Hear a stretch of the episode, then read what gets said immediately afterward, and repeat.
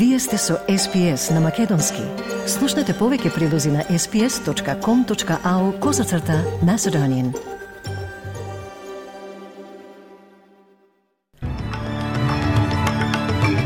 Во денешниот билтен, владата на Албанезе го донесе својот прв буџет.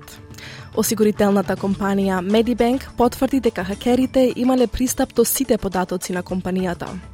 Македонскиот премиер побара од партиите да седнат на маса и да разговараат за уставните измени. И топли честитки од Индија до новиот премиер на Обединетото кралство од индиско потекло. На СПС на Македонски следуваат вестите за 26 октомври 2022. Јас сум Ана Коталеска.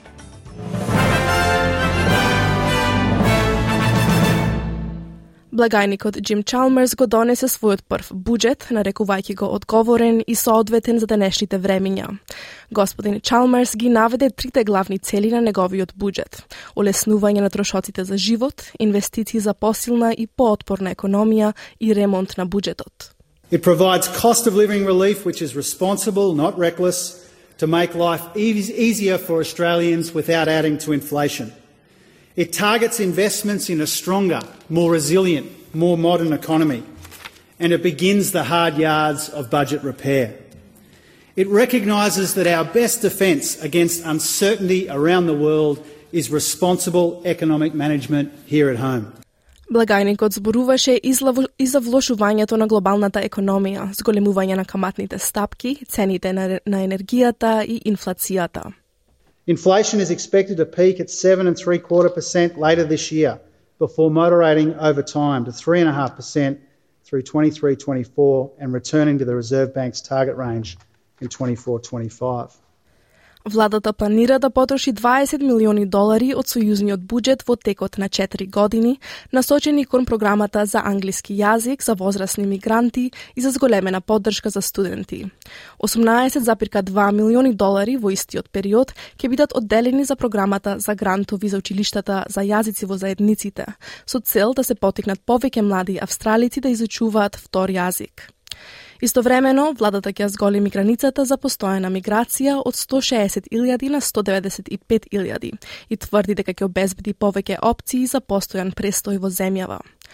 Дополнителни 42,2 милиони долари се издвојуваат за забрзување на обработката на визите, решавање на проблемот со заостанатите визи и подигање на свеста за можностите за високо квалификуваните мигранти.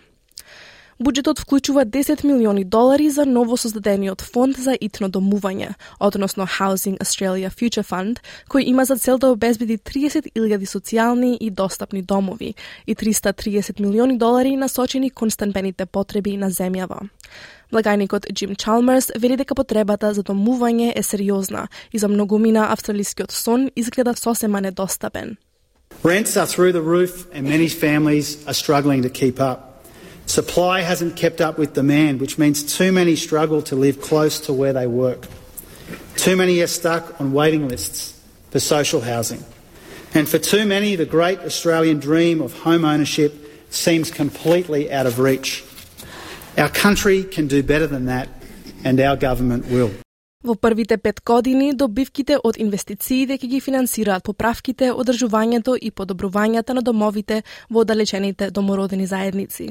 100 милиони долари ќе бидат издвоени за домување на жени и деца кои бегаат од семено насилство и постари жени со ниски примања кои се изложени на ризик од бездомништво.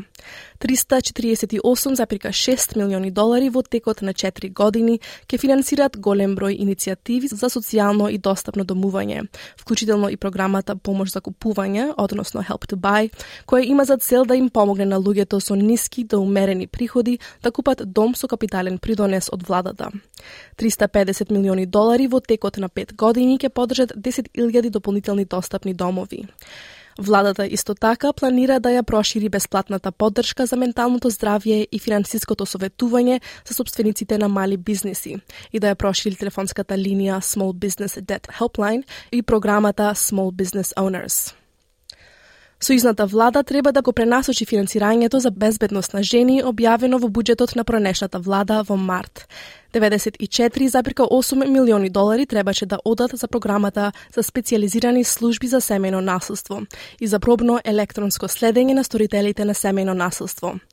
Сега финансирањето ќе оди во националниот план за ставање крај на насилството врз жените и децата, вклучително и за задоволување на зголемената побарувачка за исплати на жени кои бегаат од насилство и програмата за помош на жените со привремени визи кои се соочуваат со семејно насилство. Владата вели дека исто така ќе обезбеди 169,4 милиони долари во текот на 4 години и 55,4 милиони долари годишно потоа за да обезбеди дополнителни 500 работници во првите редови и општински работници низ Австралија, за да се зголеми достапната поддршка за жените и децата кои доживуваат домашно, семејно и сексуално насилство.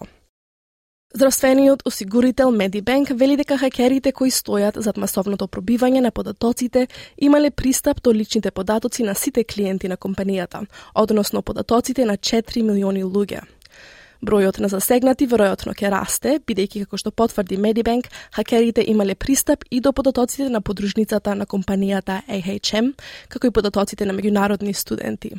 Главниот извршен директор Девет Козек го нарече прекашувањето ужасно злосторство, дизајнирано да предизвика максимална штета на најранливите членови на заедницата. I apologize unreservedly to our customers. This is a terrible crime. This is a crime designed to cause maximum harm to the most vulnerable members of our community. Our priority is to continue working to understand the specific data that has been taken for each of our customers so that we can contact them directly to let them know. Поплавите кои опустошија голем дел од Нофижен Велс и Викторија се очекува да ги зголемат цените на храната, бидејќи поплавите уништија големи делови од обработливото земјиште. Десетици заедници се уште чекаат поплавите да се повлечат за да можат одново да започнат да живеат во понормални услови. Уништени се цели посеви низ Мори Плейнс, кои вообичаено испорачуваат производи во вредност од 1 милиарда долари секоја година. Премиерот на Нофижен Велс, Доминик Перетеј и министерката за итни случаи Стеф Кук ги посетија заедниците во Мори на северниот дел на државата. Госпогица Кук вели дека поплавите ќе имаат неизбежен ефект врз потрошувачите. I think it's fair to say that uh, that there's a, a, very strong possibility that it will flow through to um, food prices on on the supermarket shelf um, when you've got uh, not just the actual harvest being impacted, but our ability to transport it and get it from the farm gate uh, right through processing and onto the supermarket shelf, that uh, those impacts um, are likely to be felt at one point or another. Во Викторија властите беа принудени да ја бранат изградбата на насип во Ечука. Жителите во домовите од една страна на реката Мари биле изненадени кога дознале дека водата се испумпува на нивната веќе поплавена страна. Комесарот за управување со вонредни состојби Андрю Крисп вели дека властите морале да донесат тешки одлуки за најдобро да ја заштитат критичната инфраструктура на градот од поплави. Условувањата на албанските партии за уставните измени, според македонскиот премиер Димитар Ковачевски, не се пречка за да се постигне договор. Тој смета дека има простор за разговори, бидејќи ниту една партија и од македонскиот и албанскиот политички блок не е изречно против внесување на бугарите во уставот. Ковачевски не ја исклучува можноста уставните измени да бидат причина и за следната, трета поред, лидерска средба со опозицијскиот лидер Мицкоски. Сметам дека треба да се седне на маса, сите политички партии, сите да ги кажат своите предпоставки, сите да го кажат својот став во однос на уставните промени и да може на крајот да се да се дојде до решение кое што ќе биде нормално прифатливо за сите. Па јас со Мицковски се видовме кога беше а, кога беше а, францускиот предлог, се видовме и сега за енергетската криза и тоа е една нормална комуникација помеѓу председатели на а, политички партии, на парламентарни политички партии Изминатите денови, Алијансата за албанците и БЕСА се обединија околу ставот дека ќе поддржат менување на уставот само ако се отстрани терминот 20% и албанскиот јазик стане службен заедно со македонскиот. Опозицијската ВМРО ДПМН ова го оцени како обид да се урне унитарниот карактер на Македонија. Мицкоски ја остави отворена можноста да поддржат отворање на уставот, но само ако ЕУ обезбеди гаранции дека земјата ќе влезе во унијата и дека за време на пристапниот процес Бугарија нема да стави нови вета. Индија реагираше на назначувањето на Риши Сунак за премиер на Обединетото кралство, првиот британски премиер од индиско потекло. Индискиот премиер Нарендра Моди ги испрати своите цитат најтопли честитки до Риши Сунак и се осврна на цитат живиот мост што го представуваат индобританците“. Поранешниот министер за надворешни работи Кунвар Натвар Синг ја нарече неговата номинација, цитат, историски настан. И Шаси Тарур од опозицијата рече дека земјата го надминала својот расизам и покажала огромна подготвеност да ги добредојде луѓето од различни религиозни вери.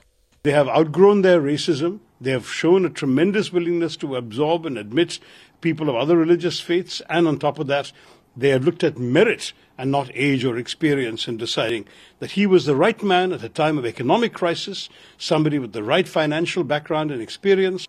Риши Сунак е и најмладиот британски премиер во последните два века.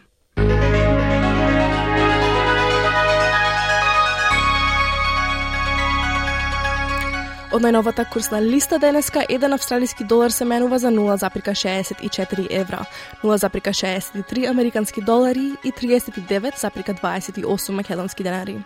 Додека еден американски долар се менува за 62,21 македонски денар, а едно евро за 61,29 македонски денари.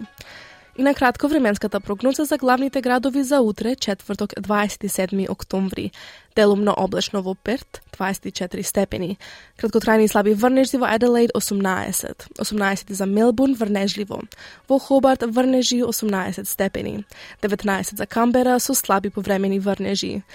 27 степени за Сиднеј со можни врнежи, услови за дошт во Брисбен 33 степени, делумно облачно за Дарвен 35 и делумно облачно за Алис Спрингс 35 степени.